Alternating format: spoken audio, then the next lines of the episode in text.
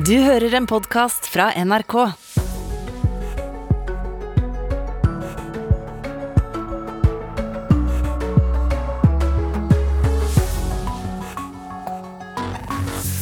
God morgen, folkens. Her er Nyhetsmorgen, og her er deler av lerretet vi skal bleke i dag. Den amerikanske sentralbanken satte opp renta i går kveld med 0,75 prosentpoeng, og det er mye. Og det kan komme mer i juli.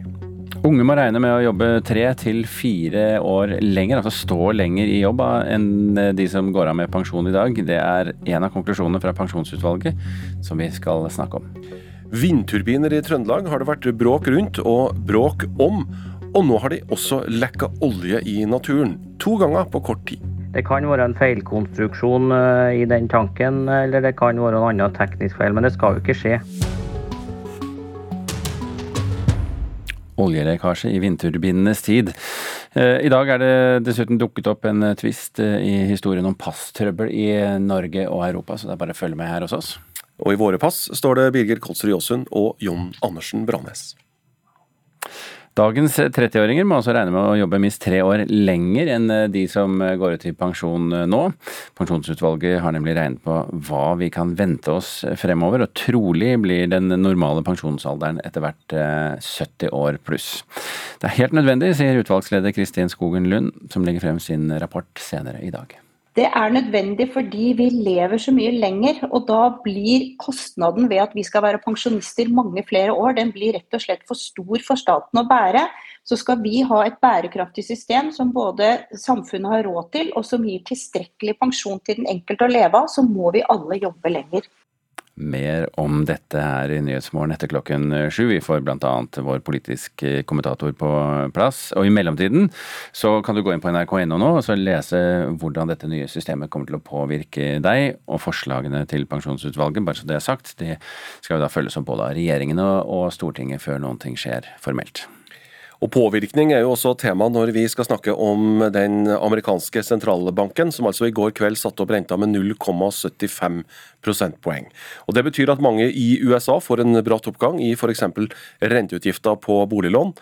Kunngjøringa til sentralbanksjef Jerome Powell ga det høyeste rentehoppet i landet siden 1994, og målet er å kutte inflasjon. The current picture is plain to see. The labor market is extremely and inflation is much too high.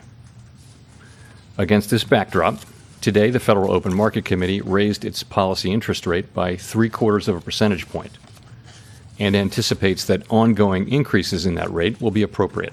USA-korrespondent Tove Bjørgaas, hvorfor ble det en så høy renteøkning? Fordi det er helt nødvendig dersom det skal være mulig å få den enorme prisveksten som er her i USA ned.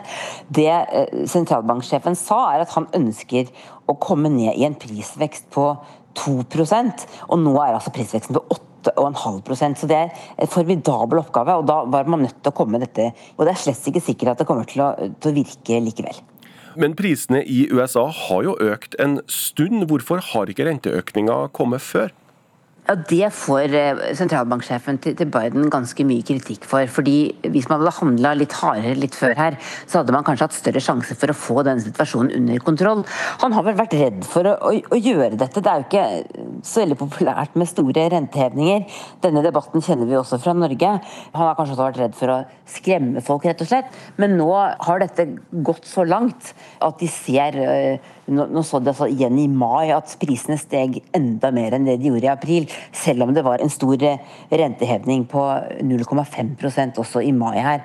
Så nå haster det virkelig med å få gjort noe. Hva betyr denne rentehevinga for folk flest i USA, da?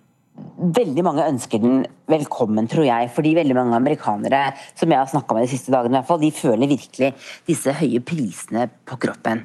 Eh, matprisene går veldig opp, bensinprisene har eksplodert. Prisene på f.eks. bruktbiler har gått opp med mange, mange sier 40% i løpet av de siste seks månedene. Og så er det også en ganske viktig forskjell på amerikanere og nordmenn. Veldig mange amerikanske boligeiere har fastrente på boliglånet sitt. Jeg eide selv en bolig her en gang, og da hadde vi såkalt 30 års låst rente. Altså, det er ganske vanlig å ta et langt boliglån der, der, renta rett og slett er låst. Så Sånn sett så får ikke dette så store konsekvenser for mange eh, boligeiere, men veldig mange amerikanere merker prisene på kroppen. Men det er jo selvfølgelig eh, også noe folk vil merke, dette her, at renta blir høyere. Og så er det en ustabilitet i økonomien, så det er også en frykt nå for, for hva som vil skje eh, videre, eh, som har gjort at ganske mange vanlige folk her har, har blitt bekymra for for hvordan de bruker pengene sine, og kanskje for barna sin, sin framtid. Og Børsene i Asia og USA har jevnt over hatt oppgang etter at den amerikanske sentralbanken altså heva styringsrenta i går kveld norsk tid.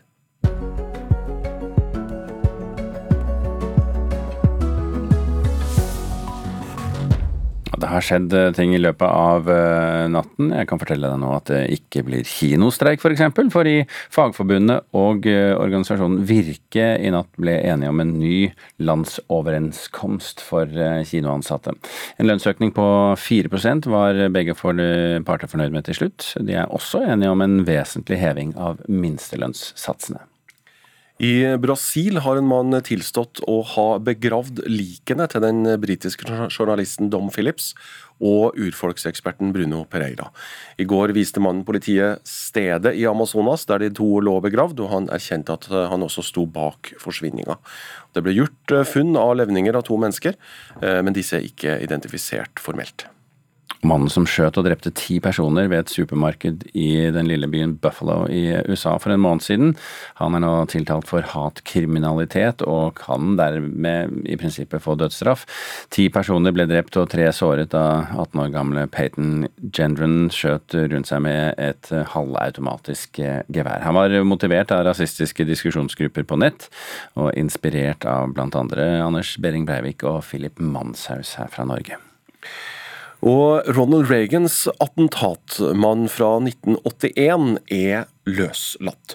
John Hinckley tilbrakte nesten 20 år på psykiatrisk sykehus etter at retten slo fast at han var utilregnelig da han skjøt og såra presidenten. De siste 19 åra har Hinckley tilbrakt mer og mer tid utafor sykehus, men på særlige betingelser, som det heter. Etter 41 år regnes han altså som frisk og som en fri mann. En av fordelene med å gå over til eh, vindkraft er selvfølgelig at eh, sjansen for å få store oljesøl eh, minsker. Men en lekkasje i en vindturbin førte til oljesøl i Roan vindpark i Trøndelag i mai. Myndighetene holder Trønderenergi ansvarlig for at girolje ble spredt i et myreområde like ved. Og det er ikke første gang det skjedde heller, sier direktør for miljøberedskap i Kystverket, Hans Petter Mortensholm. Mengdene her er ikke store, men, men, vi har hatt to hendelser på ganske kort tid. Roan vindpark på Fosenhalvøya i Trøndelag. Her gikk alarmen den 8. mai. Oljetrykket falt i en vindturbin 87 meter over bakken. Det var lekkasje i en tank med girolje, forteller konserndirektør for kommunikasjon i Trønder Energi, Stig Tore Laugen. Turbinen eh, ble eh, umiddelbart eh, stansa, og så har vi kobla inn både brannvesen og andre aktører for å starte opprydninga umiddelbart. Mellom 50 og 120 liter girolje kan ha lekt ut i turbinhuset og deretter blitt spredd av vind og de lange rotorbladene til myrområdet rundt. Det er nok en medvirkende årsak til at det har eh, kommet litt lenger inn akkurat eh, på turbinfoten rundt eh, turbinen. Det samme skjedde i februar. Da lak mellom 100 og 200 liter girolje ut fra en annen vindturbin i det samme anlegget. Nå er alle undersøkt, og det er oppdaga sprekk i oljetanken på ytterligere én av de til sammen 71 turbinene i Roan vindpark. Det kan være en feilkonstruksjon eh, i den tanken, eller det kan være en annen teknisk feil, men det skal jo ikke skje. Det er Kystverket som har ansvar for å følge opp alle tilfeller av akutt forurensning her i landet, også når det skjer på land. Hans Petter Mortensholm sier Trønder Energi har gjort mye for å rydde opp. Men han sier òg at hvis det skjer flere ganger, kan Kystverket komme til å melde selskapet til politiet. I verste fall, altså hvis, hvis vi nå får altså flere hen, slike hendelser, så vil jo absolutt en, en anmeldelse være et, et aktuelt tiltak fra, fra, oss for sånne hendelser. Vi tar det her på største alvor og, og gjør det vi kan for å hindre at det skal skje fra de, fra de andre. Reporter her, det var Kjartan Røslett. Da skal vi bevege oss til hovedstadsområdet. For 25 år etter byggeskandalen med Romeriksporten, så er det fortsatt problemer med vann som trenger inn i denne togtunnelen. Hver eneste dag må Bane Nor pumpe store mengder drikkevann inn i grunnen over tunnelen. Og Samtidig så ber Oslo kommune innbyggerne spare på vannet. Uten dette vannet så kan grunnen synke og skape setningsskader på både bygninger, T-bane og togskinner. Vi skulle gjerne hatt den tørre. Sier Brede Nermoen i Bane Nor. Vannet som rant inn i togtunnelen Romeriksporten preget nyhetsbildet i 1997. Det ble gjort omfattende tetningsarbeid før tunnelen kunne åpnes. Fortsatt en dag i dag lekker en god del vann inn. Ved Golia T-banestasjon, på Hellerud, Ellingsrud og Strømmen stasjon er det fare for at grunnen kan synke noen centimeter fordi mye grunnvann forsvinner. Derfor pumper Bane Nor inn drikkevann her hver dag. Det tilsvarer forbruket til 1200 Oslo-borgere. Nermoen sier dette om metoden. Den er eh, allment brukt og velkjent og har vært brukt i Oslo i mange mange år, også før Romeriksporten. I forbindelse med Festningstunnelen og andre også store byggegroper så brukes denne metoden. Det meste av vannet som brukes kjøpes av Oslo kommune. Kommunen sliter med vannmangel og ber innbyggerne spare. Det er ikke mulig å gjøre for Bane Nor. Nei, for da er det fare for at det vil skje setninger som da gir bygningsskader.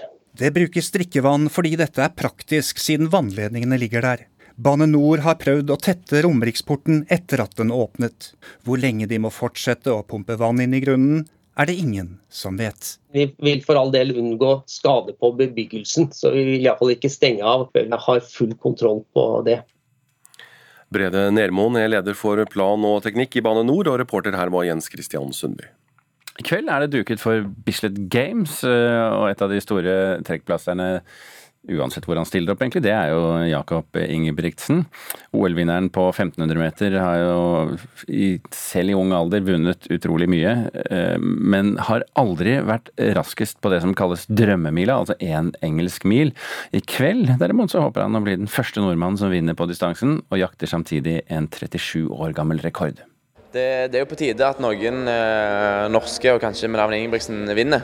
Drømmemila, én engelsk mil, 1609 meter. Det er det Jakob Ingebrigtsen ønsker å vinne under Bislett Games i kveld. Det har ingen andre nordmenn gjort før han. Jeg tror at eh, vi mest sannsynlig får eh, den første norske seieren på, på drømmemila. Sier storebror Henrik Ingebrigtsen. Eh, jeg har jo prøvd noen ganger. Jeg ble bare nummer fire.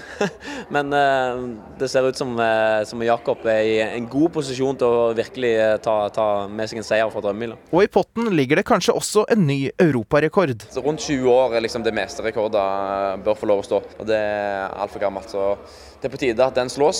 Den nåværende rekorden den ble satt for hele 37 år siden, og det av britiske Steve Cram. Han mener lave skuldre kan være nøkkelen hvis noen skal klare å slå hans rekord. I say the best advice is not to try to beat it. That sounds counterintuitive, uh, but the harder you try, sometimes the, the, the, harder it is. En eventuell rekord det vil kreve mye av Ingebrigtsen, mener NRKs friidrettskommentator Jan Post. Hvis han jager den, så krever det nok en sånn 3.29-3.30-nivå på 1500 meter, som er litt lettere å snakke om. Det er ikke så ofte han gjør det heller, så det krever et topp, topp løp. Men eh, det er jo en drøm at han klarer det på Bislett. Storebror Henrik Ingebrigtsen er imidlertid ikke så opptatt av rekorden, men syns det er viktigere at Jakob vinner på Bislett stadion. Ja, han må ta én ting om gangen. Europarekorden går ingen vei, og den kan han ta på hvilken som helst stadion. Men å vinne drømmemiler på Bislett stadion, det er kun for Bislett Games det går. Reporter her, det var Emil Johansen.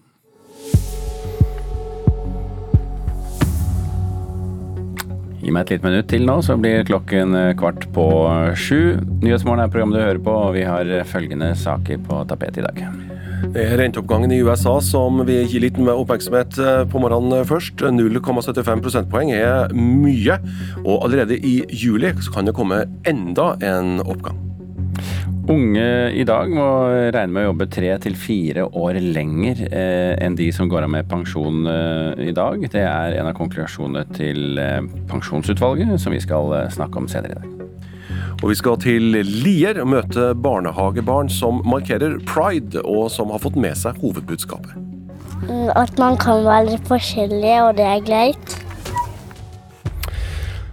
Er du en av dem som har ventet lenge på nytt pass, og kanskje fortsatt venter på pass, da kan du jo vite at selskapet Thales, som leverer passene i Norge i dag, for noen år siden ble rangert som det dårligste i konkurransen om å få levere pass til Norge. Reporter Camilla Svenes Bergland, hvordan kan det ha seg at Thales, som da altså var dårligst, endte med opp med å få levere passene? Nei, altså nå har det seg jo sånn at det franske selskapet Tales, som da kom dårligst eh, ut i anbudskonkurransen fra 2014, til slutt endte opp med å kjøpe det finske selskapet Gemalto, som da hadde vunnet konkurransen. Eh, Thales ble jo vurdert som aller dårligst på kvalitet, og de var heller ikke konkurransedyktige på pris, og det skriver Klassekampen, eh, som har gått gjennom anbudsprosessen. Mm. Og De klarte rett og slett ikke å leve opp til kravene som Politidirektoratet hadde satt. Men ved å eh, kjøpe opp det finske konkurrenten, er det nå da Thales som leverer norske pass og ID-kort. Men er det dette som er forklaringen på at det er så mye hva skal vi kalle det, utfordringer med pass for tiden? Det er jo vanskelig å spekulere i, for dette vet vi jo ikke helt med sikkerhet. Ehm, Klassekampen legger ikke fram noe dokumentasjon, eh, og selv sier Thales at det har kjøpt opp hele kompetansen i det finske eh, selskapet. Eh, men når det er så mye problemer med pass, så er det jo likevel en interessant observasjon å gjøre. Eh, men det vi vet ut fra beskrivelsene til Klassekampen, er at når justisminister Emilie Enger Mehl skal klage på eh, lange ventetider, er det lederen i Thales hun må forholde seg til. Ok, da vet vi det. Camilla Svendesen Bergland, takk skal du ha. Det skal handle om eh, sex og kropp, og det skal handle om norsk poesi. Forfatter Nini Nyhus' nye diktsamling er nemlig inspirert av at hun oppdaget livmorhalstappen, og ikke ante hva den var. Jeg har hatt så innmari sterke smerter i sida av magen, der eggstokkene er. Særlig i venstre, litt som hold. Forfatteren Inni Nyhus las nylig fra den nye boka si 'Jeg fant en måne i navlen' under litteraturfestivalen i Lillehammer. At det liksom trykker inn. Jeg drar til en privatlege og betaler masse penger, og hun tar innvendig ultralyd. Boka er ei samling av små dikt, bl.a. om kroppen, på en ærlig, absurd og direkte måte. Ifølge NRK sin litteraturkritiker Tula Koppreitan er det en trend med unge kvinnelige poeter som skriver om sex og kropp på en slik åpen og direkte måte. Men det skiller seg fra åpenheten vi ser ellers i samfunnet, fordi at målet ikke nødvendigvis er normalisering, men heller utforsking og å leke. Man ser jo en trend generelt ute i samfunnet også, at eh, f.eks. nå i Norge at det er noen et par sexologer som eh, går ut og snakker mye om å normalisere sex, eh, eller å informere om kvinnehelse. Men Ninje Nyhus og poeter eh, generelt har som regel et, litterært prosjekt, og at det er ikke noe insentiver om å komme med nyttig informasjon som er eh, samfunnsopplysende. Og hun sier at hun ser omrisset av en liten firkant inni den ene eggstokken. Hun bruker et rart apparat og sier at den er av lær. Hun puster ut, tar av seg brillene og setter seg på kanten av stolen. Jeg tror det må være en bitte liten koffert, sier hun. En bitte liten Spesielt Ninja Nyhus er ganske kreativ, da. Og eh, snur heller opp ned og får deg til å stusse over det som står, og kanskje forvirre deg mer enn å føle at du har forstått mer av din egen kropp. At det ikke handler om normalisering, men heller eh, forundring og åpne nye dører. Koppreitan forteller at det er stor sans for denne poesien i de skandinaviske landene. Nanna Stor-Hansen eh, fra Danmark. Eh, Sverige har Tone Sundesson. Hun skriver også på en sånn her fandenivoldsk rett fram-måte. Ikke nødvendigvis direkte om kropp, men det er mye sånne lignende formuleringer som Ninne Nyhus. da. Og Ingvild Lote, som har blitt oversatt til dansk, blant annet. Diktsamlinga til Nyhus starter med en person som skal undersøke hva som finnes inne i vaginaen sin. Og hele forfatterskapet starter med absurd videokunst på Instagram, som etter hvert blir skrevet om til dikt. Litt av inspirasjonen er fra da hun sjøl oppdaga livmortappen og ikke ana hva det var. Veldig mye av det jeg skriver og lager, tar utgangspunkt i noe jeg er nysgjerrig på eller lurer på. Så det er jo liksom jeg da, som har stikket en finger opp og kjent at uh, det er jo en klump der inne. Og ikke skjønt liksom Har jeg kreft? Har jeg, er, det, er det her normalt? Ikke sant? Og så liksom tar man bare fingeren ut og liksom går rundt og har en vanlig dag. Alt dette som kan finnes, alt dette som kan oppstå. Ja, hva vet jeg? Jeg har ikke sett inni altså, For alt jeg veit, så er det et skip der, eller en planet, eller Jeg vet ikke, en snegle. Det sa til slutt forfatter Nini Nyhus under eh, litteraturfestivalen, og hele sendinga fra Lillehammer kan du se i appen NRK TV. Reporter her var Ida Yasin Andersen.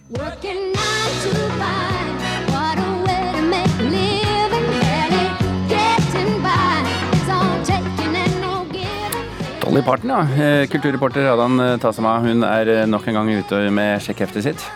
Det er jo eh, dama bak sangen 9 to 5. Hun har jo litt eh, mer penger enn det folk som jobber 9 til 5 gjerne har. Og hun slår da på stortromma og har donert 1 million dollar til Vanderbilt University Medical Center i Nashville i USA.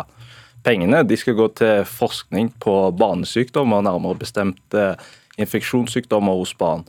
Og blant annet så skal det jo da bøte på antibiotikaresistens, som er et stort problem. og infeksjonssykdommer som er veldig farlige da, for uh, unge kreftpasienter. Og Det kom ut i går kveld fra sykehuset sin pressemelding. Barnelege ved sykehuset Mark Dennison sier at de er svært takknemlige for donasjonen til Dolly Parton. Og denne store donasjonen sier han da vil føre til at de kan akselerere arbeidet sitt og komme kjappere der de vil mm. i forskningen sin. Det er jo øh, ikke første gang hun har donert eh, penger, for å si det sånn. Nei, hun har vært ute med sjekkhefte tidligere. I 1995 så grunnla hun organisasjonen The Imagination Library. og Det var for å øke leseevnen i denne omgang eh, for barn og lesegleden. Og I de områdene som organisasjonen her opererer, så kan barn under fem år få en bok hver måned helt gratis til de er fem år. Og i løpet av de her 27 åra så har eh, Dolly Parton da delt ut 150 millioner bøker til barn rundt om i verden. Men enda viktigere enn de her donasjonene da, for å øke lesegleden, må jo være den medisinske forskningen. For hun donerte jo penger tidligere òg til Vanderbilt eh, Medical Center. Og det var i forbindelse med covid-19-pandemien. Det var for å forske på vaksine. Eh, hele verden satt og venta, og da satt ikke hun stille. Hun dro fram en million dollar da, og fremskynda det arbeidet de drev på der med forskning av eh, covid-19-vaksine, for å teste og framstille denne vaksinen. Og det her Prosjektet hun var med og finansierte, det munna jo ut i den velkjente eh, moderne vaksinen som vi nå har fått i hele verden. Se det. Hun er en dame med stort hjerte. Tolly Parton. Dolly Parton er også i USA en kjent alliert av skeive. Og temaet de neste minuttene er pride. Eh, det er mange problemer i verden. Eh, vi har hørt om renteoppgang og inflasjon og om eh, ja, mye. Men likevel, ganske mange velger å engasjere seg i andres kjønnsuttrykk og seksualitet. Og flere skoler har fått kritikk, både i Norge og utlandet, for å ha satt skeiv kjærlighet og mangfold på timeplanen. Men i en barnehage i Lier ved Drammen så markeres pride i hele juni. Eh, at man er forskjellig. Hudfargen. Hålet. Håret. Og, og kroppen. Ja, og Ansiktet og øya. Ja, og klærne. Mm. At man kan være forskjellig, og det er greit. Hanna og Kristina er begge seks år og skal snart begynne på skolen. De to har malt regnbueflagget i kinna, og nå står de og ser opp på det fargerike flagget høyt der oppe på veggen. Siden det er en måned der man har regnbue og sånn. Hva betyr det egentlig, Hanna? Kjærlighet og sånn. Flere og flere markerer pride i juni. Mange skoler har fått kritikk og negative kommentarer fordi de ønsker mangfold velkommen. Kine Skjelderup Syrstad er midlertidig leder i Veslefrikk Fuss barnehage i Lier. Vi ønsker å vise et uh, mangfold i barnehagen, men også sånn som samfunnet er speila. Vi ønsker å inkludere alle, uansett uh, kulturell bakgrunn, uh, familieformer. ja, alt som at alle hører til. Alle er like mye verdt. Vi ønsker å vise barna at vi er et stort fellesskap, hvor vi bryr oss om hverandre. Men når du skal forklare barna her om eh, regnbueflagget, hva sier du da? Eh, vi alle er ulike, men det er bra. Det er sånn samfunnet skal speiles. Og vi ønsker å vise barna at man kan leve akkurat sånn som man har lyst til å leve. Men skjønner barna hva mangfold betyr? Ikke nødvendigvis ordet mangfold, men eh, jeg tror Hvordan forklarer du det? Det er ikke alltid vi trenger å forklare, men eh, det er nok med at vi viser som voksenpersoner og rollemodeller i barnehagen, og sammen med familiene, eh, hvordan vi ønsker å ha et rikt mangfold. Både i barnehagen, men også ute i samfunnet. Nordmenn er jenter som er glad i jenter, gutter som er glad i gutter, og jenter og gutter som er glad i hverandre. Jeg tenker på når vi gjorde det vi gjorde den første gangen vi så hverandre. Fortell meg hva som skjedde da. Felix bare plutselig sussa meg på kino. Jeg ble litt flau. Men er det greit å være forelska i en jente her? Ja. Er det greit å være forelska i gutt? Ja. Er det greit å være forelska i gutt og jente? Ja. Mm. Siden jeg og Felix er litt kjærester.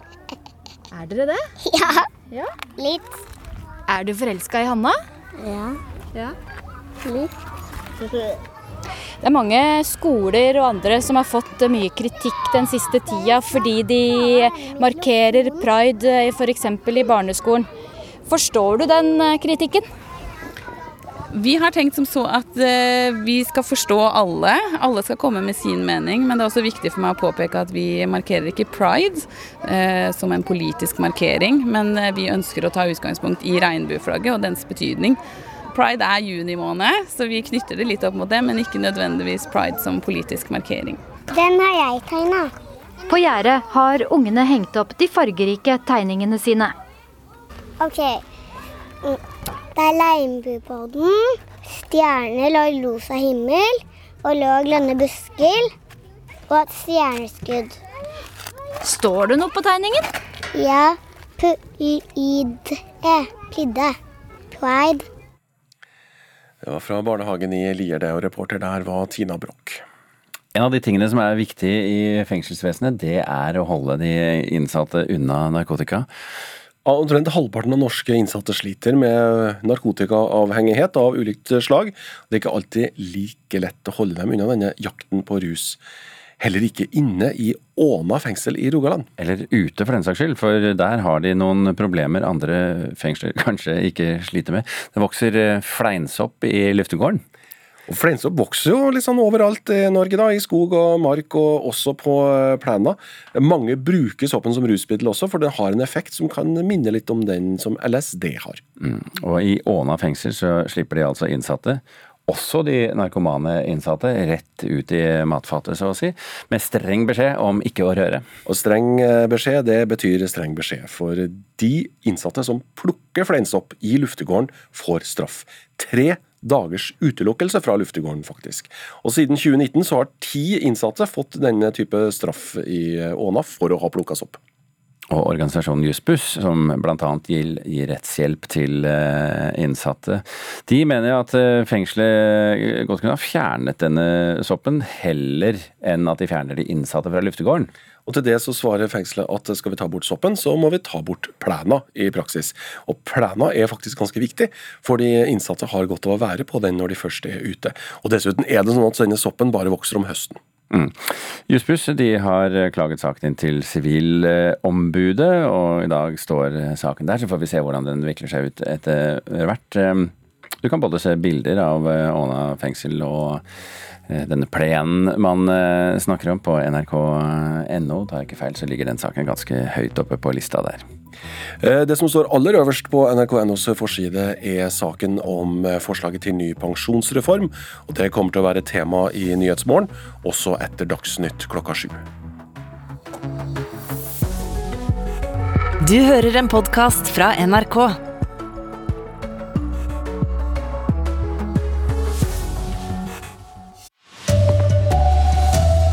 Her er NRK Dagsnytt klokka sju. I USA er det varsla enda ei stor renteauke allerede i juli. Børsene i Asia og USA har hatt oppgang etter at den amerikanske sentralbanken i går satte opp styringsrenta med 0,75 prosentpoeng. Krisa i amerikansk økonomi blir svært viktig for politikerne framover, sier USA-korrespondent Tove Bjørgaas. Joe Biden han har ønsket dette rentehoppet velkommen. og for, for, ham så har disse galopperende prisene blitt et kjempestort problem. Dette blir nok den aller største saken ved valget i november. Det er jeg ganske sikker på. Fordi dette er noe folk merker på kroppen, på, på lommeboka si. Og, og, det er ikke noen god sak for presidenten. Eh, så de fleste politikere her er enige at noe må, må, gjøres. Men også Biden får kritikk for at man ikke har gjort mer før. Og allerede i går så sa faktisk sentralbanksjef Jerome Powell at også i juli så kan det bli aktuelt å øke renta med like mye, altså med 0,75 30-åringer i dag må regne med å jobbe tre til fire år lenger enn de som er pensjonister nå. Pensjonsutvalget har regna på det, og trolig blir den normale pensjonsalderen etter hvert 70 og et halvt år. Utvalget vil òg heve den nedre grensa for å ta ut pensjon. Og dette blir det straks mer om i Nyhetsmorgen i P2 og NRK Nyheter.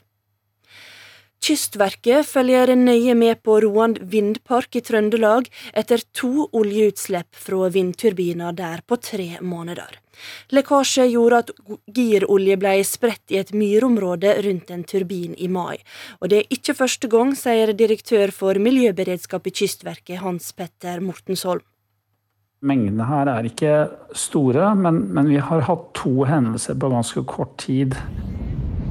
Roan vindpark på Fosenhalvøya i Trøndelag. Her gikk alarmen den 8. mai.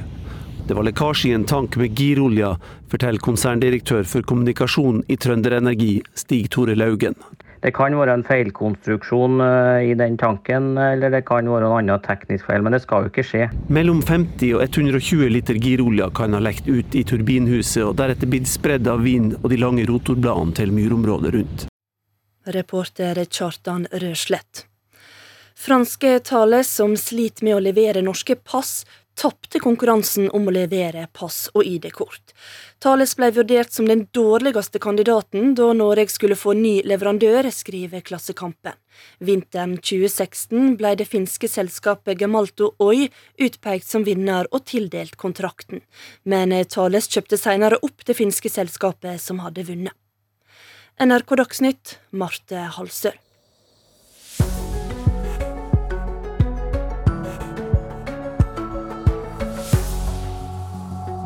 Full fart i skroget her i Nyhetsmorgen, eh, og her er noe av det du kan forvente å høre mer om den neste halvtimen. For Sommeren er jo eh, tiden for maritime metaforer, og vi skal jo dykke ned i pensjonsreformen også. Spørsmålet mange vil stille seg i dag er hvor som, er jeg en av de som kan gå av med pensjon når jeg er 67, eller må jeg jobbe til jeg over 70? Så blir det toppmøte eh, i Kiev i dag. Eh, på en måte toppmøte. Zelenskyj får i hvert fall besøk av sine statsministerkolleger fra tre store europeiske land. Og I kveld er det fest, og det er for prinsesse Ingrid Alexandra. Hennes myndighetsalder skal endelig feires offisielt. Et nytt medlem av kongefamilien som kanskje også taler til en annen gruppe landsmenn. Nyhetsmorgen i dag med Jon Branes og Birger Kolsrud Aasund i studio. Ja, Unge må altså regne med å jobbe tre til fire år lenger enn eh, sine besteforeldre, i hvert fall enn de som går av med pensjon i dag. Det er en av konklusjonene fra Pensjonsutvalget, som klokken ti i dag skal legge frem sin rapport. Og Dersom du da er eh, født på 90-tallet eller senere, så må du kanskje forvente å jobbe til du er over 70 år. Ja, det syns jeg er litt kjipt. Fordi at jeg syns vi allerede jobber ganske lenge. Jeg har ikke noe imot det i utgangspunktet. Altså, nå blir det utfordringer med eldrebølgen, og det må kanskje bare til om man skal opprettholde det, den levestandarden vi har i samfunnet i dag. Jeg vet ikke hvor lenge man må jobbe jeg, engang. Jeg vet ikke når pensjonsalderen er. Det sier studenter som NRK møter ved Universitetet i Oslo. Flere er skeptiske til å jobbe fram til de har passert 70 år. Men dersom pensjonsutvalget får det som de vil, må unge forvente å jobbe tre til fire år lenger enn foreldrene sine. Altså Dersom man er født på 90-tallet, så må man regne med å stå litt over tre år lenger i arbeid. Det vil si at den grensen som i dag er på 67, den vil da normgivende være på litt over 70 år. Det sier Kristin Skogen Lund. De siste to årene har hun ledet pensjonsutvalget, som har hatt i oppdrag å evaluere dagens pensjonsreform. I dag presenteres konklusjonene. Vi foreslår å øke aldersgrensene, de normgivende aldersgrensene. Og så foreslår vi en bedre regulering av minsteytelsene og en rimelig utvikling i uføres alderspensjon. Det nye systemet vil gjelde for alle som er født i 1963 eller senere. For dem som er født på 1990-tallet, blir den nye pensjonsalderen 70 og et halvt år, mot dagens 67 år. Skogen Lund mener en slik aldersøkning er helt nødvendig. Det er nødvendig fordi vi lever så mye lenger, og da blir kostnaden ved at vi skal være pensjonister mange flere år, den blir rett og slett for stor for staten å bære. Så skal vi ha et bærekraftig system som både samfunnet har råd til, og som gir tilstrekkelig pensjon til den enkelte å leve av, så må vi alle jobbe lenger. En del av mandatet deres var jo å se på hvordan staten kunne spare penger, men det har dere altså ikke klart. Hvorfor ikke det? Derfor vi mener at skal det være oppslutning om pensjonssystemet, så må vi finne en bedre løsning for minstepensjonsnivå og uføre. Og det klarer vi ikke uten at det koster ganske mye penger. Noe av det vanskeligste for utvalget har vært å finne en løsning for arbeidstakere som etter mange år i slitsomme yrker ikke orker å jobbe til de er nærmere 70 år. Altså, Vi anerkjenner at ikke alle kan stå lenge i arbeid, men det er ikke mulig å identifisere det som én gruppe og ergo lage en egen ordning for slitere. Så det må løses med andre mekanismer, som f.eks. Da, dagpenger eller uføretrygd for de som ikke kan stå lenge nok pga. helsemessige årsaker. Hvis du vil studere dette her litt mer i ro og mak, så kan du gå inn på nrk.no og lese vår artikkel der. Står øverst på siden der. Forslagene til pensjonsutvalget, dette, det skal jo altså da behandles av både regjeringen og Stortinget, så det er ikke helt eh, bestemt ennå. Eh, reportere her, det var Une Solheim, Håkon Nesse Morå og Tore Tollersrud. Og I studio har vi med oss politisk kommentator her i NRK, Magnus Takvam. Kommisjonen går altså inn for å øke pensjonsalderen gradvis i takt med at vi lever lenger. Eh, hva er tankegangen bak, egentlig? Det er jo grunntanken i hele pensjonsreformen, at uh, i takt med uh, økt levealder, så, så, må man også jobbe noe lenger for å uh, samme, oppnå samme pensjon. Det nye her er vel at man definerer noen sånn normgivende aldersgrenser F.eks. Eh, det nye, vil jeg tro mange vil oppleve med, denne, med, dette forslaget, er når du først eh, tidligst kan gå av. Altså, I dag er det jo adgang til 62 år. Eh, de foreslår også at den grensen gradvis økes. da, slik at Helt konkret så vil det første kullet, hvis dette går gjennom, som møter den endringen, det er folk som er født i, fra 1964. De vil da måtte jobbe én måned lenger for eh, altså 62 år og én måned, og så en måned til for hvert årskull. Så det er en gradvis eh, økning av levealderen. og Grunnen er at ellers så mener man at Norge går konkurs liksom i lengden. Ja, og det skal vi jo helst eh, unngå. Men en jobb er jo ikke en jobb. Det er jo noen jobber der du kan eh, uten problem fysisk sett, iallfall. Jobbe mm. til du er 70. Mens andre jobber er fysisk harde, og vi hørte det ble nevnt disse såkalte sliterne. De har ikke funnet noen måte å spesialbehandle dem på. Er det mulig å få til det, egentlig? Ja, da, eh, det Skogenlund sier, er at det må da politikken løse etter hvert. Eh, de har hatt som mandat å se på folketrygdens ordninger først og fremst. Eh, men det er klart at en, observasjon er at eh, et pensjonssystem kan ikke nulle ut alle skjevheter i samfunnet, men bare delvis. Det er klart det er en fordelende bit i pensjonssystemet. Du får ikke pensjon ubegrensa hvor, hvor, høy inntekt du har, men, men det er en slags fordeling. Men er det et brutalt arbeidsliv, er det et hardt arbeidsliv, så er det klart at det er årsaken til at mange ikke kan gå av tidlig. Men det eksisterer da en del forslag. På LO-kongressen f.eks., der jeg også var, så er det en del forslag som vi nok vil møte i debatten etter hvert om nettopp dette med sliterne. Har denne pensjonskommisjonen, altså sånn legger fram dette formelt klokka ti, eh, kommet, kommet på noe som overrasker deg? Ja, meg, altså jeg, jeg har, det jeg har forstått, er at man f.eks. når det gjelder innsparingspotensialet i pensjonsreformen, så var jo logikken i utgangspunktet at når man gikk av tidlig. Altså Det nye var at man ved reformen fikk gå av før man ellers hadde adgang til det, ved 62 år. Da, det, da er det veldig mange som gjør det, men som da for så vidt jobber lenger. Men det har gjort at egentlig har da eh, disse første årene betydd et kostnadssluk for staten. Fordi du må jo betale ut fysisk pensjon til disse nye årskullene. Og så har man tenkt at ok, det jevner seg ut etter hvert, eh, og staten får igjen dette når man deler denne pensjonen på flere år. Det blir en litt mindre pensjon hvert år. Men det, skje, det har ikke skjedd i den grad man man trodde det, fordi det kommer stadig nye årskull ved 62 år som da krever at staten betaler ut. Så Det er én ting. Og det andre siste er at før så tenkte man f.eks. at 62-63-åringer ikke hadde særlig boligutgifter. Eh, da, da, hadde man eh, økonomi som gjorde at man kunne ha en relativt lav pensjon. Men nå er ikke det så mye tilfelle lenger. Boligprisene og liksom det at folk også har lån i den aldersgruppen, gjør at det også kan bli en utfordring for de kullene som ikke har så, så høy pensjon. Samfunnet forandrer seg, det må pensjonene også gjøre. Takk så langt, Magnus Takman. Bjørn Myklebust, det er vel gitt hva som er temaet i Politisk kvarter i dag? Ja. Kristin Skogen Lund sjøl kommer, eh, kommer til oss for å forklare hvorfor de gjør som de gjør. Og så skal to politikere med ganske ulikt syn på dette diskutere utvalgets forslag. Sveinung Rotevatn fra Venstre og Kirsti Bergstø fra SV. Det er altså Politisk kvarter her i Nyhetsmorgen klokken kvart på åtte som vanlig. Nå skal vi til uh, Ukraina, uh, dvs. Si statslederne fra Tyskland, Frankrike og Italia. De skal til Ukraina i dag, de skal besøke Kyiv. Uh, det er flere medier som melder det nå på morgenkvisten. Den ukrainske ledelsen har lenge etterlyst et besøk fra Scholz, Macron og Draghi. Og reporter Filippe Bedo Ulvin, hva skal nå egentlig denne trioen gjøre i Kyiv? Uh, nei, det er jo ikke uh, bekreftet helt uh, fra offisielt hold enda at de faktisk kommer uh, pga. Uh, sikkerhetsårsaker. Men det er kilder som opplyser dette til den tyske kringkasteren ZDF. Um, men den viktigste årsaken for et besøk er jo å vise støtte og diskutere hvordan man kan hjelpe ukrainerne. Det er forventet at EU-kommisjonen i morgen tar opp og gjøre en vurdering av eh, Ukrainas søknad om EU-medlemskap. Eh, e så det kommer til å bli sannsynligvis diskusjoner rundt det. Så er jo det evige spørsmålet våpenhjelp.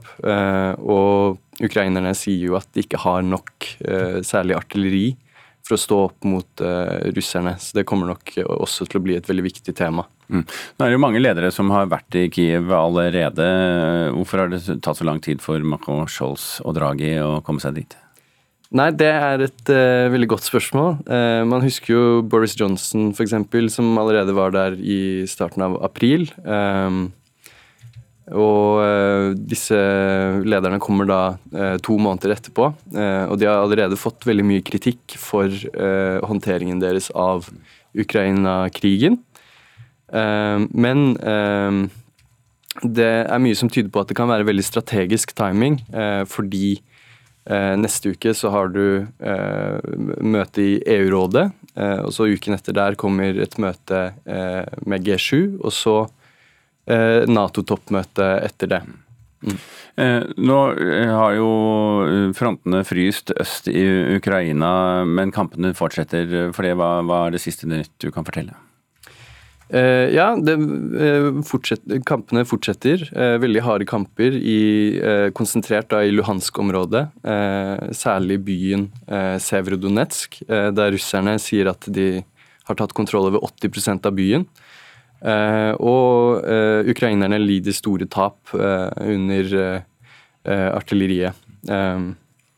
så det er, det er, tusenvis av sivile som da er fanget under byen. Mm. Ok, Filippe da, Ulvin, takk skal du ha.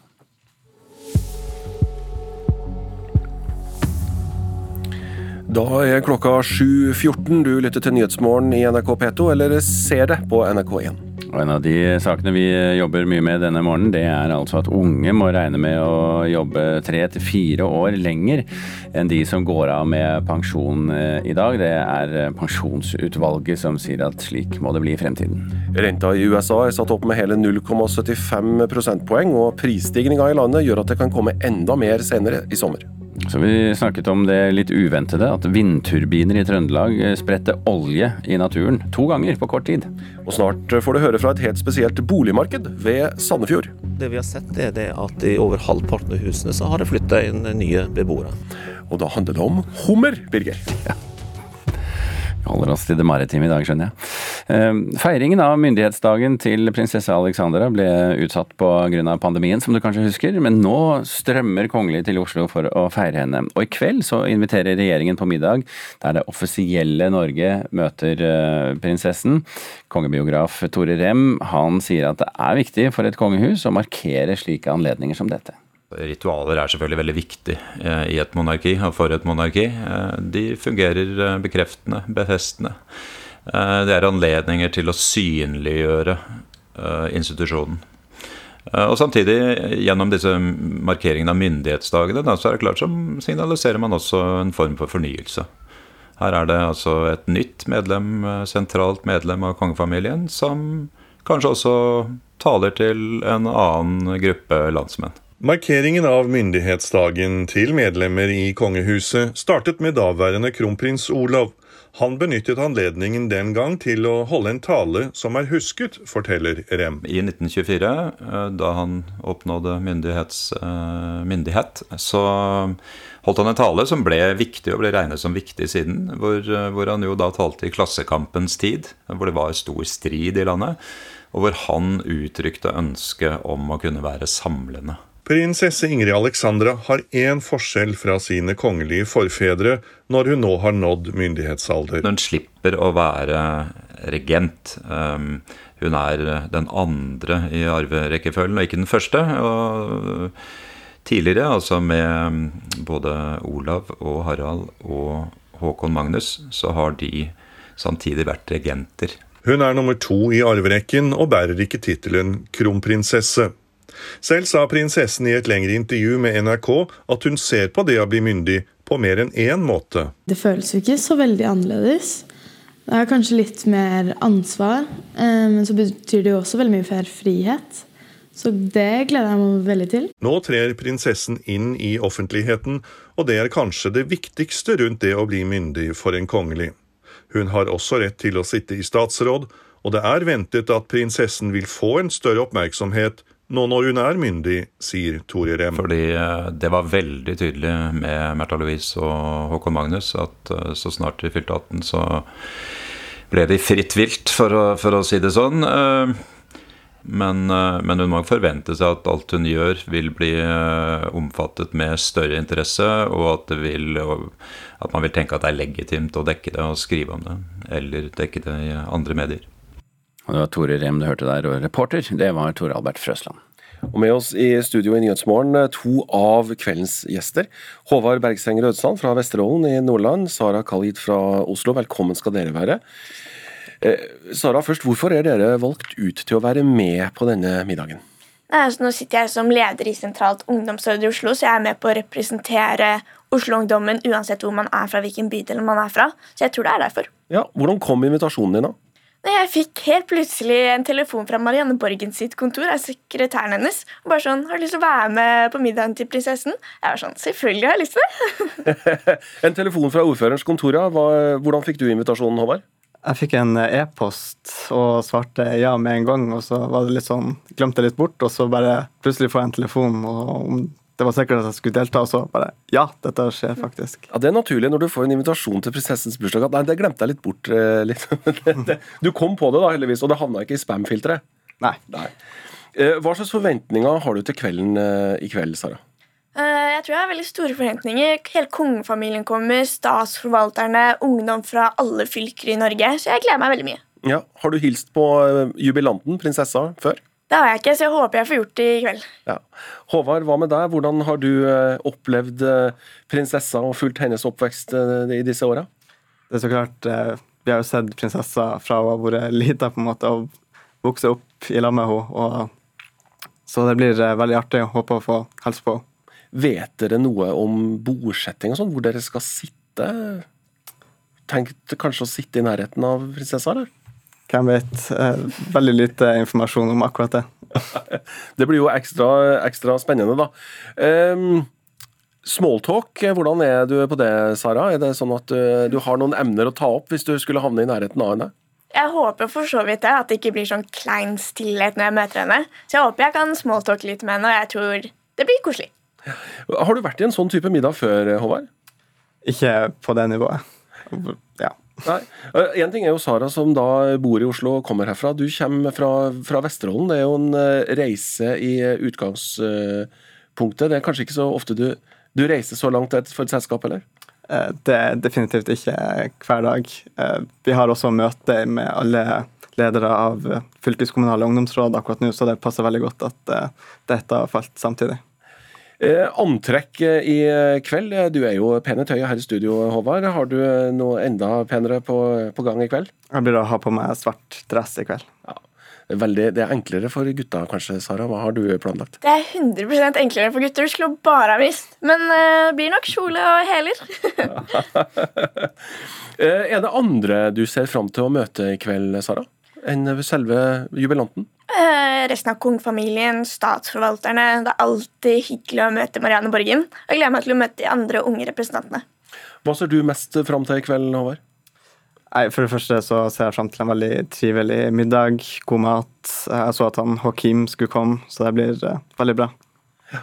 Eh, jeg tenker helt til slutt å spørre dere begge um, om hva slags inntrykk dere har av tronarvingen, prinsesse Ingrid, som, som, altså da er like gammel som dere, og uh, som dere har fulgt på, på avstand. Hva tror du, hva, hva, er din oppfatning av henne i dag, Sara? Hun har vært veldig privat i media, og sånt, så det er ikke så mye man ser av henne. Men hun virker som en veldig anstendig og pliktfull jente. Og gleder meg til å se hva hun får til i fremtiden. Mm. Hva tenker du, Håvard? Jeg tenker at det blir veldig spennende å følge henne videre i sitt liv. Og så til nå så virker hun som en veldig Hun har i hvert fall talt godt for de unge og virker som en uh, veldig trivelig del av kongefamilien. Da får vi ønske dere begge god fornøyelse i eh, kveld. Og, eh, og vi er litt misunnelige òg, vet du det, Birger? Ikke jeg skulle gjerne vært det, men det får bli til neste feiring, tenker jeg. Satser, krysser fingrene for at jeg blir invitert. Sara Khalid og Håvard Bergseng Røsang, takk til dere. Eh, vi skal til Bergen nå. Eh, etter lang intern kamp ble det nemlig i går kveld klart at utfordreren Kristine Meyer tar over sjefsstolen i Bergen Høyre. Men det ble ikke en overlegen seier på nominasjonsmøtet. Meyer fikk 83 stemmer, mens Harald Viktor Hove fikk 75. Det er nå kampen begynner. Jeg gleder meg til å stå sammen med dere. Tusen takk for meg. Applaus for en splitta sal var det som møtte Kristine Maier idet det ble klart at hun blir byrådslederkandidaten til Bergen Høyre. Fram til slutten av mai satt hun i valgkomiteen, men ei veke før fristen ble hun innstilt som Hove sin utfordrer. Harald Viktor Hove tok nederlaget med fatning. Tusen takk til de som stemte på meg, men husk på at dere skal stemme på Kristine og Marit til neste år. Det skal jeg også. Og det betyr også at dere må stille opp etter at dette representantskapsmøtet er ferdig. Hove har vært gruppeleder i Høyre i Bergen siden 2019, og har fått partiet fra 20 til 34% på målingene på den tida. Et godt utgangspunkt for Maier å overta, sier Hove. Jeg håper at hun drar partiet enda høyere opp.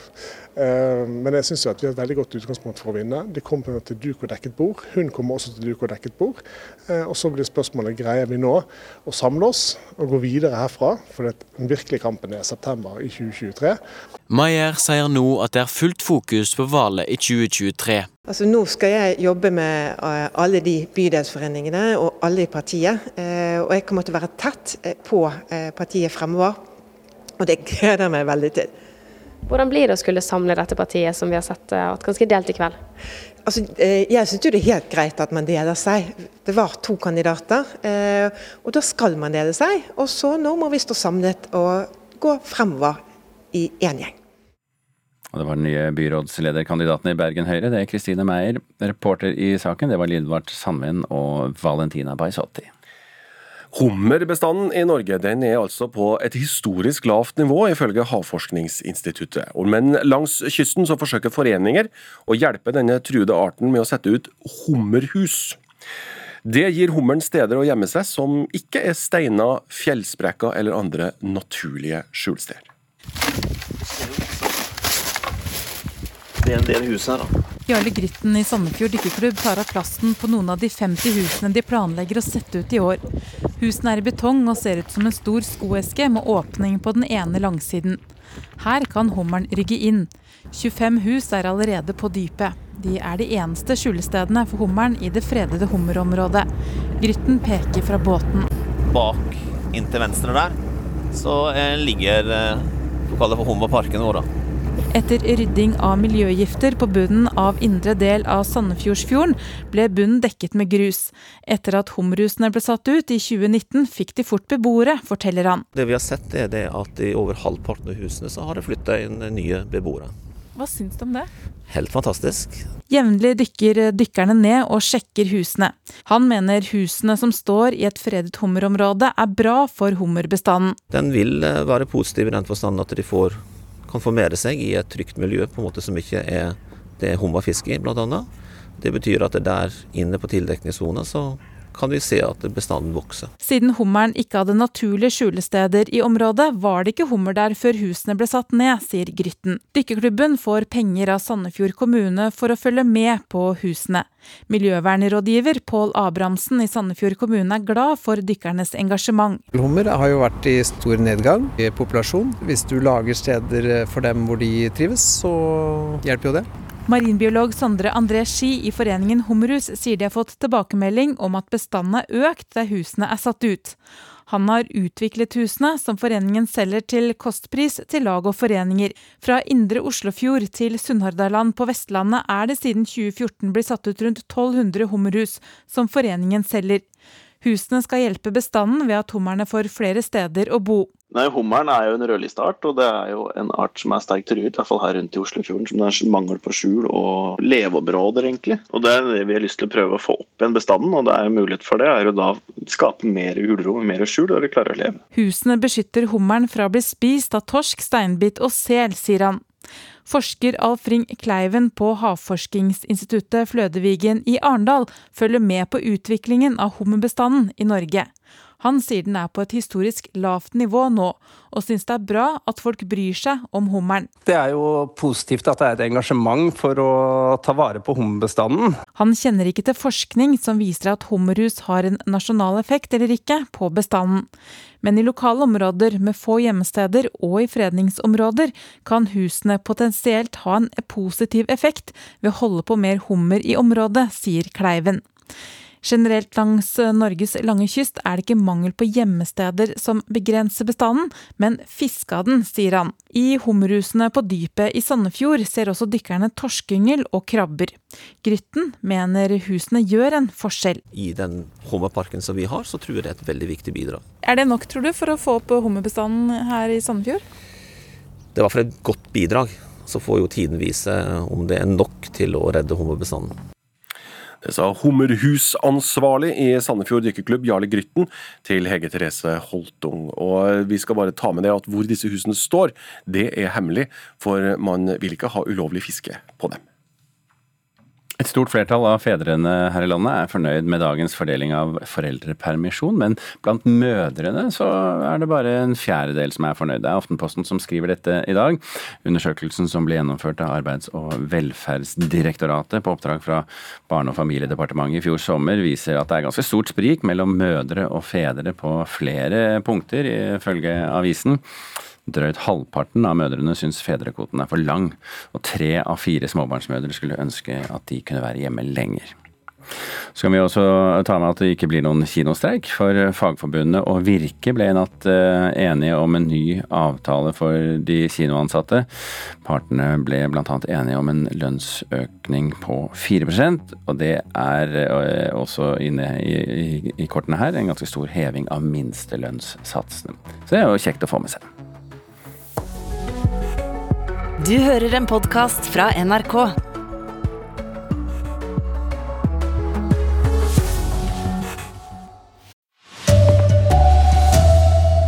Unge må regne med å jobbe lenger enn de som går av med pensjon i dag. Det syns jeg er litt kjipt. Store turbinblad spredde girolje ut i naturen. Og det blir storslått feiring når prinsesse Ingrid Alexandra inviterer til forsinka 18-årsfest. Her er NRK Dagsnytt klokka 7.30. 30-åringer i dag må regne med å jobbe minst tre år lenger enn de som er pensjonister nå. Pensjonsutvalget har regna på hva vi kan vente oss framover, og trolig blir den normale pensjonsalderen etter hvert på 70 og et halvt år.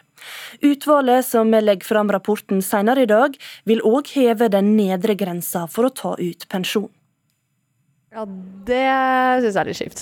Fordi at jeg syns vi allerede jobber ganske lenge. Jeg, vet ikke hvor lenge man må jobbe engang. Jeg vet ikke når pensjonsalderen er. Det sier studenter som NRK møter ved Universitetet i Oslo. Flere er skeptiske til å jobbe fram til de har passert 70 år. Men dersom pensjonsutvalget får det som de vil, må unge forvente å jobbe tre til fire år lenger enn foreldrene sine. Altså Dersom man er født på 90-tallet, så må man regne med å stå litt over tre år lenger i arbeid. Det sier Kristin Skogen Lund. De siste to årene har hun ledet pensjonsutvalget, som har hatt i oppdrag å evaluere dagens pensjonsreform.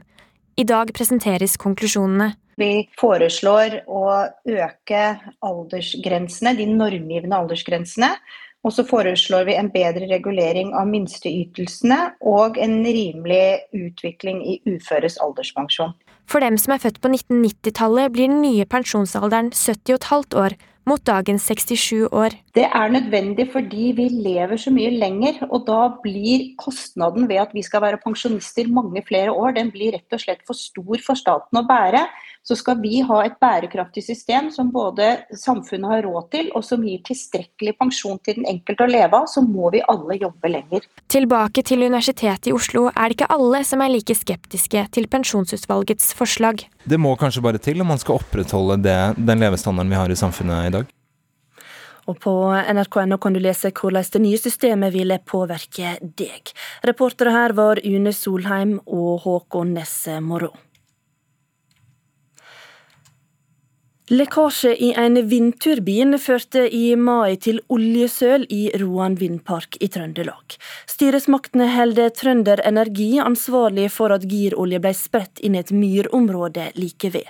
Og det er ikke første gangen dette skjer, sier direktør for miljøberedskap i Kystverket, Hans Petter Mortensholm. Mengdene her er ikke store, men, men vi har hatt to hendelser på ganske kort tid. Roan vindpark på Fosenhalvøya i Trøndelag. Her gikk alarmen den 8. mai. Oljetrykket falt i en vindturbin 87 meter over bakken. Det var lekkasje i en tank med girolje, forteller konserndirektør for kommunikasjon i Trønderenergi, Stig Tore Laugen. Turbinen eh, ble eh, umiddelbart eh, stansa, og så kobla vi inn både brannvesen og andre aktører for å starte oppryddinga umiddelbart. Mellom 50 og 120 liter girolje kan ha lekt ut i turbinhuset og deretter blitt spredd av vind og de lange rotorbladene til myrområdet rundt.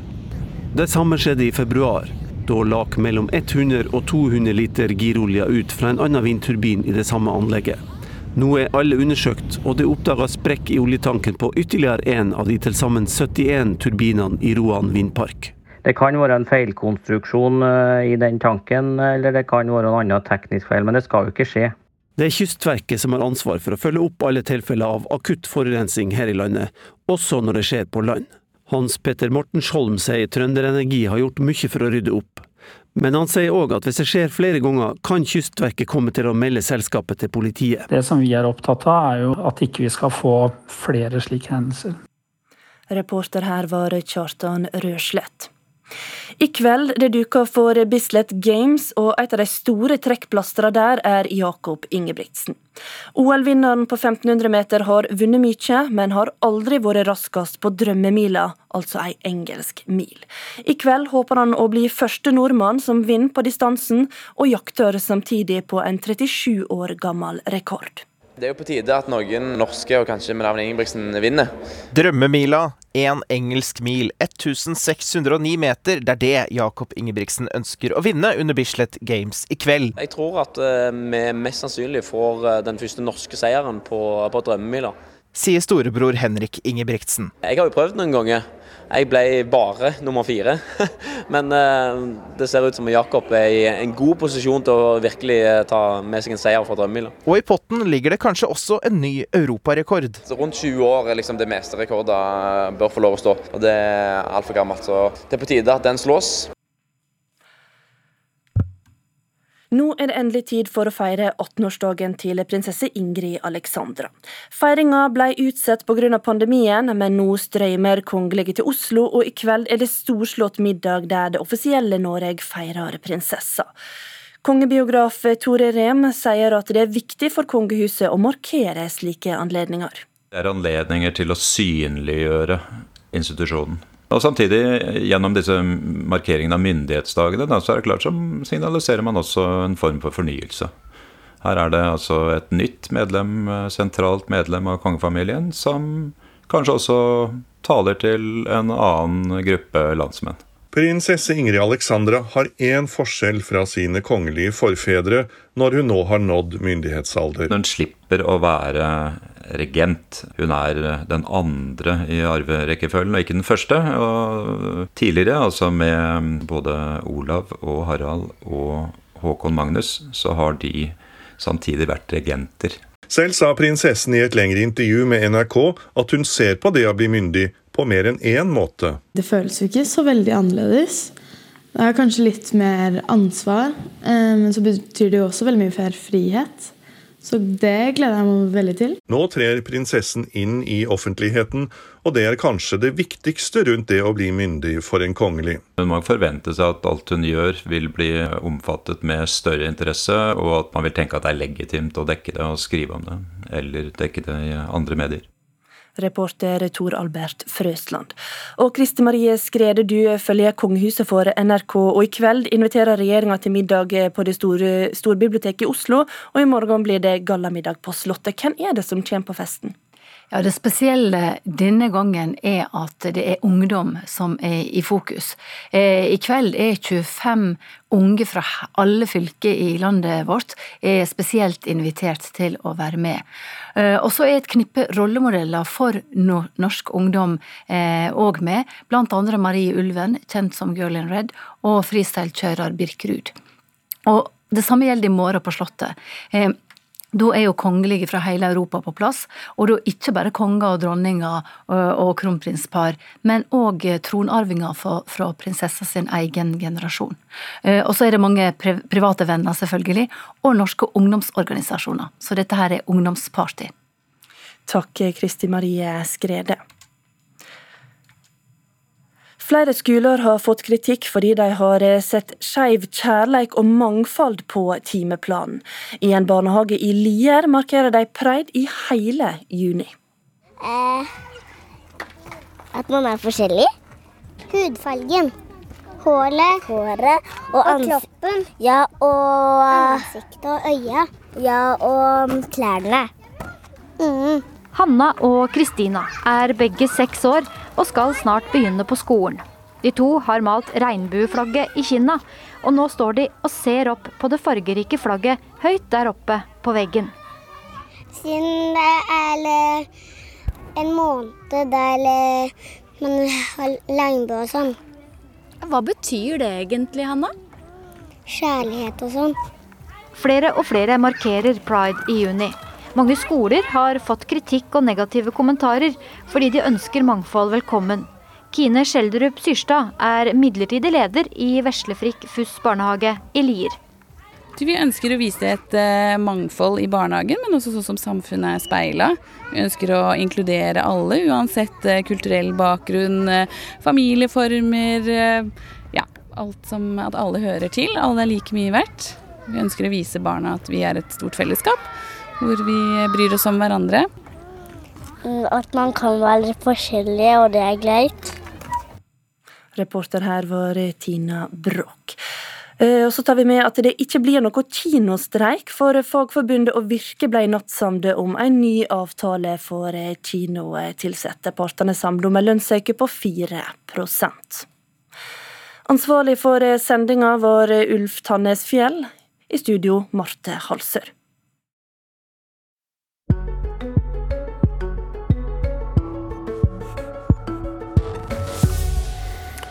Etter lang vinter i båsen, så syns de fleste husdyr at det er godt å komme ut i frisk luft og dagslys igjen. Og hvis du i tillegg er sånn ca. 1,80 høy og elsker å løpe fort, så blir det å slippe ut av fjøset et eh, skikkelig høydepunkt. Er det noe du passer passe meg for? Nei da, de står inne i båten, så det er ingen, ingen problem.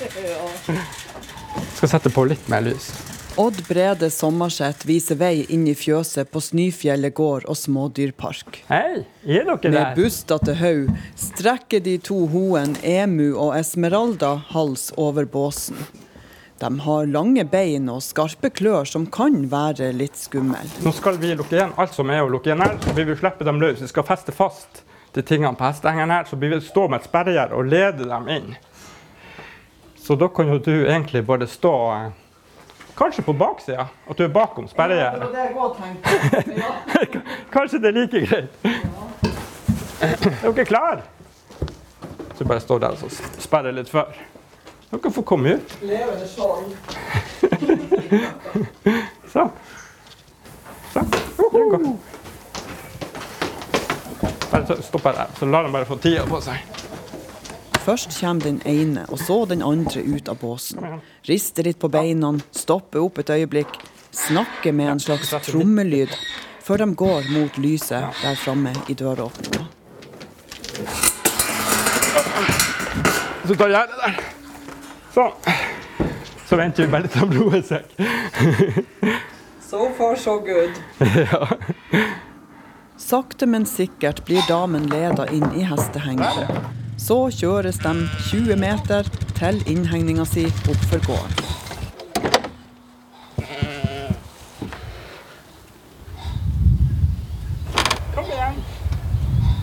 Litt nølende først, men så skrever de over et lite gjerde under åpninga, og så er de der de skal være. Og for ei fart de setter opp. Det går fra 0 til 100, eller i hvert fall 60, på få sekunder. Rundt og rundt springer de, Emu og Esmeralda, mens de bukter seg i alle retninger.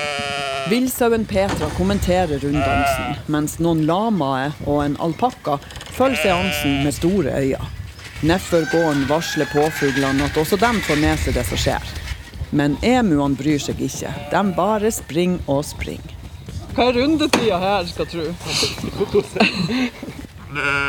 Etter noen minutter er det over. De australske fuglene roer seg.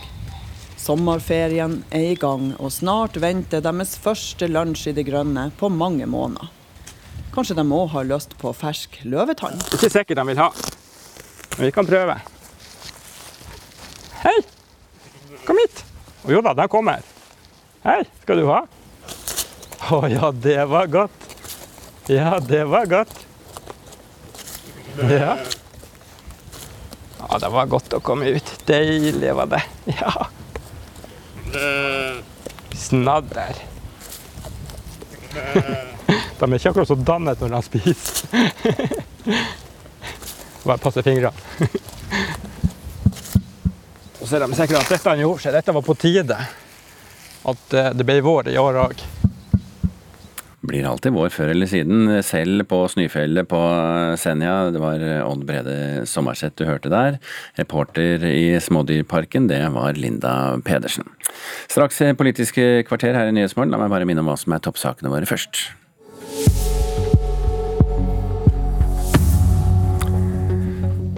Renten i USA ble i går satt opp med hele 0,75 prosentpoeng, og prisstigningen i landet gjør at det, kan komme mer senere i sommer, kanskje et tilsvarende hopp allerede i juli.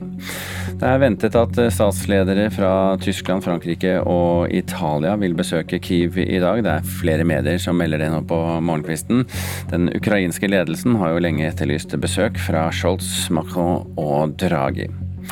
Og unge de må regne med å jobbe tre til fire år lenger enn de som går av med pensjon i dag. Det er indikasjonen fra Pensjonsutvalget som legger frem sin rapport i dag. Og Pensjonsutvalget det er selvfølgelig også tema for Politisk kvarter, så her gir jeg stafett, stafettpinnen videre til Bjørn Myklebust.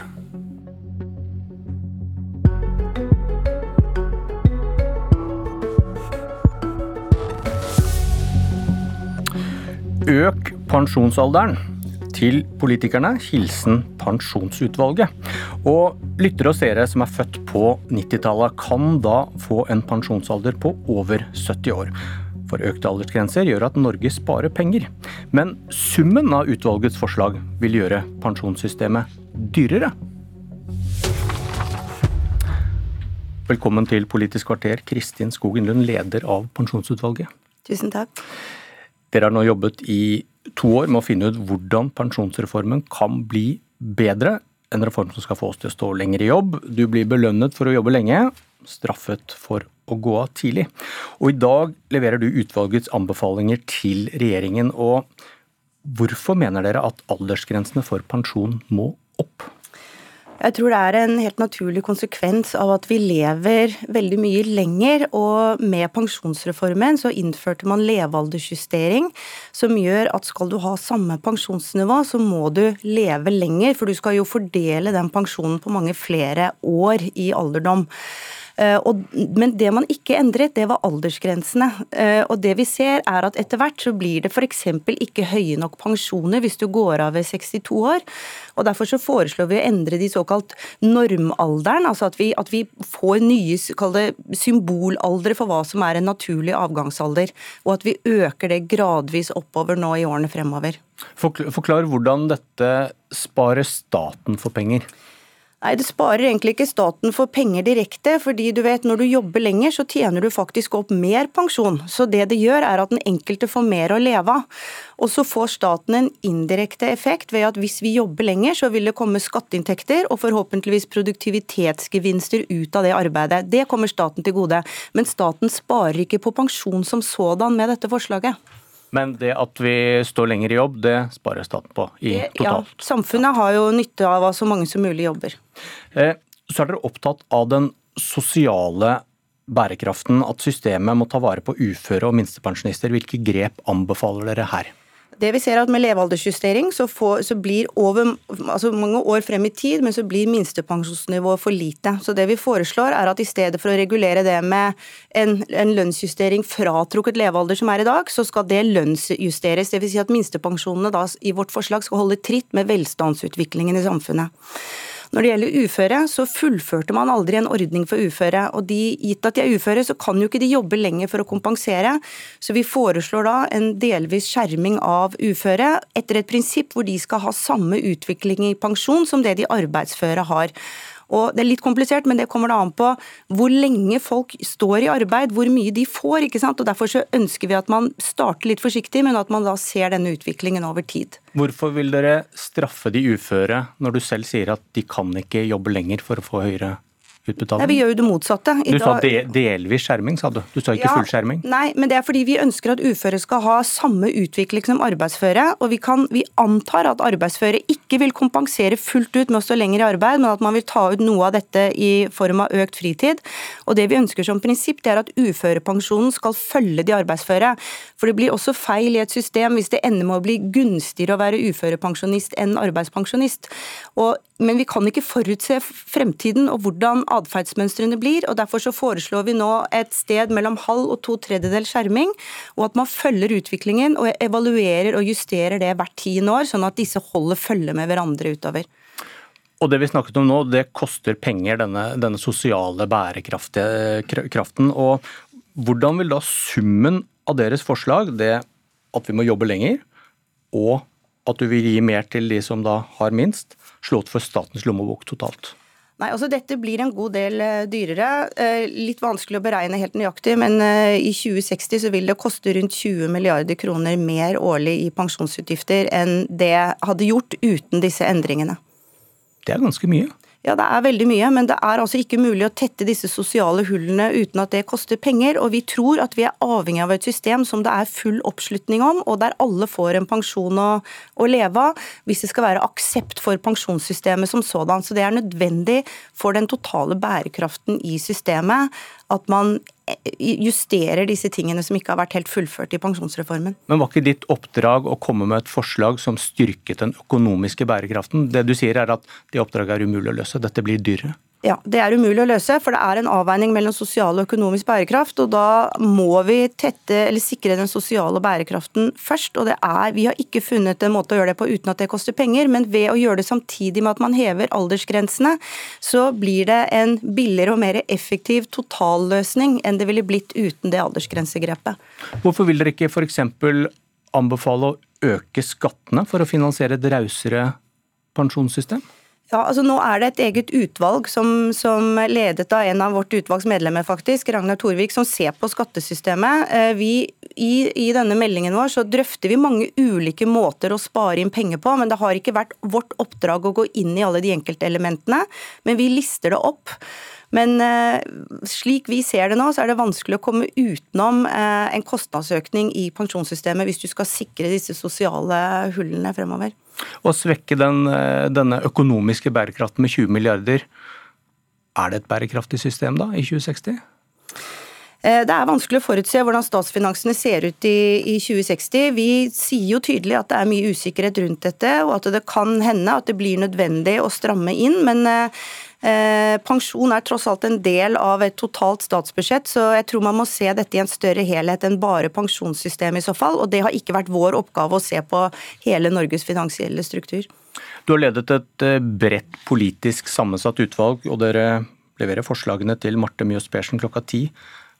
Er det et enstemmig forslag du leverer fra det? Ja, så godt som. Vi har en liten merknad fra Frp og SVs representanter som ønsker full skjerming av uføre fra start, men med unntak av det så er vi faktisk enige om alle anbefalinger, også å si at pensjonsreformen var nødvendig og viktig og riktig, og vi viderefører alle hovedelementene i den. og Det er jeg veldig stolt av, faktisk. At vi har klart å komme fram til en så omforent løsning, og vil berømme utvalget som har vært særdeles konstruktive gjennom dette arbeidet. Takk, Kristin Skogen Lund. Velkommen Kirsti Bergstø, fungerende leder i SV og leder i Stortingets arbeids- og sosialkomité. Takk. SV var mot pensjonsreformen i sin tid og har vært kritisk til hvordan sparetiltakene har slått ut. Likte du det du hørte her? Jeg liker veldig godt eh, at eh, utvalget her eh, går inn for å regulere minstepensjonen etter lønn. Det er jo noe vi har foreslått på, på, Stortinget. Og det har vært veldig mange som har pekt nettopp på utvalgets arbeid, og se på hvilke løsninger de, de finner ut der. Og jeg syns også det er veldig bra at man diskuterer skjerming av uføre på Stortinget i dag. Behandler vi et forslag fra SV om å skjerme uføre for levealdersjustering. Og så er jo det store spørsmålet om eh, alder og hvor lenge vi kan jobbe. Og der eh, vil jeg jo fra SV sin side egentlig starte et annet sted. Eh, fordi skal vi kunne jobbe lenger, ja så må det jo skje store endringer i arbeidslivet. Da må vi jo tenke hvordan arbeidsliv er det som er helsefremmende, og som gjør at folk kan stå lenge i jobb. Eh, og diskutere muligheter for arbeidstidsreduksjon, eh, for bedre beskyttelse av arbeidsfolk. Eh, vi skal også behandle på Stortinget i dag et, et forslag fra SV om å fullt ut sørge for at folk som jobber i varehandelen, er er, er beskytta av arbeidsmiljøloven når det gjelder helg og kveld og, vil det, og natt. Vil det si at du sier nei til det hun foreslår med det arbeidslivet vi har i dag? Jeg vil si at det er helt sikkert noen som kan jobbe lenger, men utfordringa er, og problemet er, hvis man lager systemer som straffer alle som ikke kan gjøre det. Fordi at vi kan ikke se på det å gå ut av arbeidslivet som et sånt rent individuelt valg, noe hver og en av oss kan gjøre opp status på, når vi vet at 50 eh, av eh, renholdere f.eks. er ufør i alderen mellom 55 til 66 år. Og når vi vet at det er krevende å være stillasarbeider i 60-åra, eller eh, å løfte unger opp og ned i barnehagene våre ut i alderdommen. Og Det er jo derfor vi er nødt til å diskutere hva som kan hvis, hvis, man ønsker at folk skal jobbe lenger, og, og det er bra, det, eh, men da må vi ha et arbeidsliv som gjør at folk rent faktisk eh, kan stå i jobb over tid med helsa i behold. Og da kan vi ikke ha systemer som straffer dem som ikke evner å gjøre det. Nestleder i Venstre og medlem av finanskomiteen på Stortinget, Sveinung Rotevatn, velkommen. Takk for det. Eh, du og Venstre har sagt at pensjonsreformen ikke går langt nok. Likte du det du hørte fra Kristin Skogen Lund? Mye av det. Altså det er klart at Utvalget har jo jobba veldig godt og grundig og har jo fått to særlige oppdrag. Ikke sant? Du skal se på den sosiale bærekraften her, og også den økonomiske. Og jeg vil si at Særlig på den sosiale biten av det, så det er klart at det å gi uføretrygda bedre kår, det er jo ikke vanskelig å være enig i det. Og det er viktig at du har et pensjonssystem med brei oppslutning som er verdig. Samtidig så skal vi ikke stikke under stol at det er noen svære kostnadsøkninger nå i åra framover. Et godt eksempel på det. Tidligere denne veka så ble jo eh, SV enig med regjeringa om revidert nasjonalbudsjett, og SV var veldig fornøyd med at de hadde klart å flytte på 3,6 milliarder kroner. Det er mye penger. Men utgiftene til alderspensjon alene fra i fjor til i år øker automatisk med 16 milliarder kroner. Slik at dette her er enorme utgifter for staten, og da må vi sørge for at systemet er bærekraftig også. Økonomisk et generasjonsperspektiv for de mange som nå i åra framover blir færre per arbeidstaker per pensjonist, og som skal betale for pensjonssystemet. Men nå hørte du at eh, dette regnestykket i 2060, forslagene fra pensjonsutvalget, gjør det 20 milliarder dyrere hva er ditt alternativ? Jeg forstår at det er vanskelig for et utvalg å finne måter å spare inn penger på, eh, selv om det skal ha en så brei enighet. Ehm, men ehm, min erfaring er jo at etter at utvalget er ferdige, og slike forslag går til regjering og storting, så blir det sjelden billigere. Så jeg tror nå at iallfall alle politikere på tvers i regjering og storting må gå veldig inn i dette med et stort alvor og se ja, det er flott om vi klarer å gjøre pensjonssystemet rausere for noen grupper som har det ekstra høft, men er det også mulig å se om vi kan finne måter å gjøre eh, at det blir mer økonomisk bærekraftig enn det det er i dag. Jeg tror det er mulig, jeg skjønner at det er vanskelig, men det bør være grunnholdninga nå går inn i dette her med, etter mitt syn. Og Da gjentar jeg spørsmålet, hva er ditt alternativ? Vel, Vi kan i hvert fall se litt på ting som har skjedd de siste åra som har gjort systemet faktisk dyrere og ikke billigere. Altså, og Det er jo det som har skjedd de siste ti åra. En rekke forslag på Stortinget som har gjort det dyrere. Eh, eksempelvis har han jo nå gjort systemet mye rausere for eh, gifte pensjonister enn det det var før. Det er jo den gruppa som stort sett har det best. Eh, vi ser at staten gir betydelige bidrag hvert år til eh, AFP-ordninga, som tilkommer noen, men ikke alle. Det er mange milliarder kroner i året. Så det finnes jo ting her en kan gå inn og se på om det er rettferdig og rimelig at en bruker så mye penger på som en gjør i dag. Men jeg synes også, og det er viktig for meg å si fra Venstres side, det er viktig at du har breie forlik her. Så vi er selvfølgelig innstilt på å gi og ta. Og jo flere som er med, jo bedre er det. SV har tradisjonelt stått utenfor disse diskusjonene, men jeg håper jo at SV også vil være med inn og diskutere her med et åpent sinn. Fordi det handler om forutsigbarhet i mange tiår framover for mange mennesker i Norge. Vi er absolutt med på debatten om hvordan vi kan bedre eh, pensjonssystemet. Eh, og det må jo gjøres med utgangspunkt i at det skal være rettferdig, at det skal være bærekraftig eh, på den måten at folk kan stå i alderdommen, betale regningene og ha et verdig liv. Og når vi vet at 75% av enslige minstepensjonister lever under fattigdomsgrensa, ja, så er det jo, så er det jo så er jo det eh, noe vi er nødt til å gjøre noe med. Eh, altså Det er jo i all hovedsak kvinnfolk eh, som lever alene eh, og som er fattige, og sånn kan vi ikke ha det i Norge. og Det er jo grunnlaget for hele folketrygda. Men du, er, er, lurer på det, er, er SV fortsatt mot pensjonsreformen? Det er litt rart å skulle si at man er for eller mot. Vi var imot veldig mange utgaver. Dere har, jo en, dere har jo en primærpolitikk. Hvis SV hadde hatt 51 men, på Stortinget, hadde dere hadde, skrota pensjonsreformen? Da hadde vi sto, gjort store endringer i pensjonsreformen, men det er viktig å huske på at her er det en reform som er innført stykkevis og delt, med nye prinsipper, nye begreper, eh, og kommet på plass etter hvert. Det er ikke sånn at du kan peke på en stor pakke og si er du for eller mot den. Det store kuttet, det... levealdersjustering. Nav har vel noen beregninger at i 2040 så vil pensjonsreformen spare oss for nesten 60 milliarder kroner. Ville dere skrotet levealdersjustering hvis dere hadde hatt flertall? Det som er vår politikk nå, som vi tror at det er mulig å få til, det er å endre eh, levealdersjustering, gjøre endringer i den. Men hvor mange milliarder? Vi mener jo også at vi skal skjerme uh, uføre. Det å skjerme uføre Men svar på det, hvor mye koster deres grep? Ja, Det å skjerme uføre som vi har til behandling Nei, på Stortinget i dag. Nei, justere levealdersjustering. Men det er ikke det vi foreslår nå. Nå har vi venta på utvalget. Det vi foreslår på Stortinget i dag, det har vi tallene på. Det er 53 millioner i år, og så vil det kunne koste eh, noe mer i året som går. Og Det er jo den måten vi må jobbe på nå. Vi er nødt til å samle de erfaringene eh, som ikke bare ligger i utvalget, men som folk bærer. fordi at det er mange som betaler kostnaden av at de ikke har råd til å gå av med en pensjon når kroppen og helsa eh, sier stopp. Og Da må vi sørge for at det blir mulig med en verdig alderdom, også for folk som har tunge jobber og som begynner i arbeidslivet tidlig. Tiden er ute, selv om du har rakt opp hånda, Sveinung Rotevatn. Takk for at du kom. Takk også til Kirsti Bergstø. Det var Politisk kvarter. Jeg heter Bjørn Myklebust. Du har hørt en podkast fra NRK. De nyeste episodene hører du først i appen NRK Radio.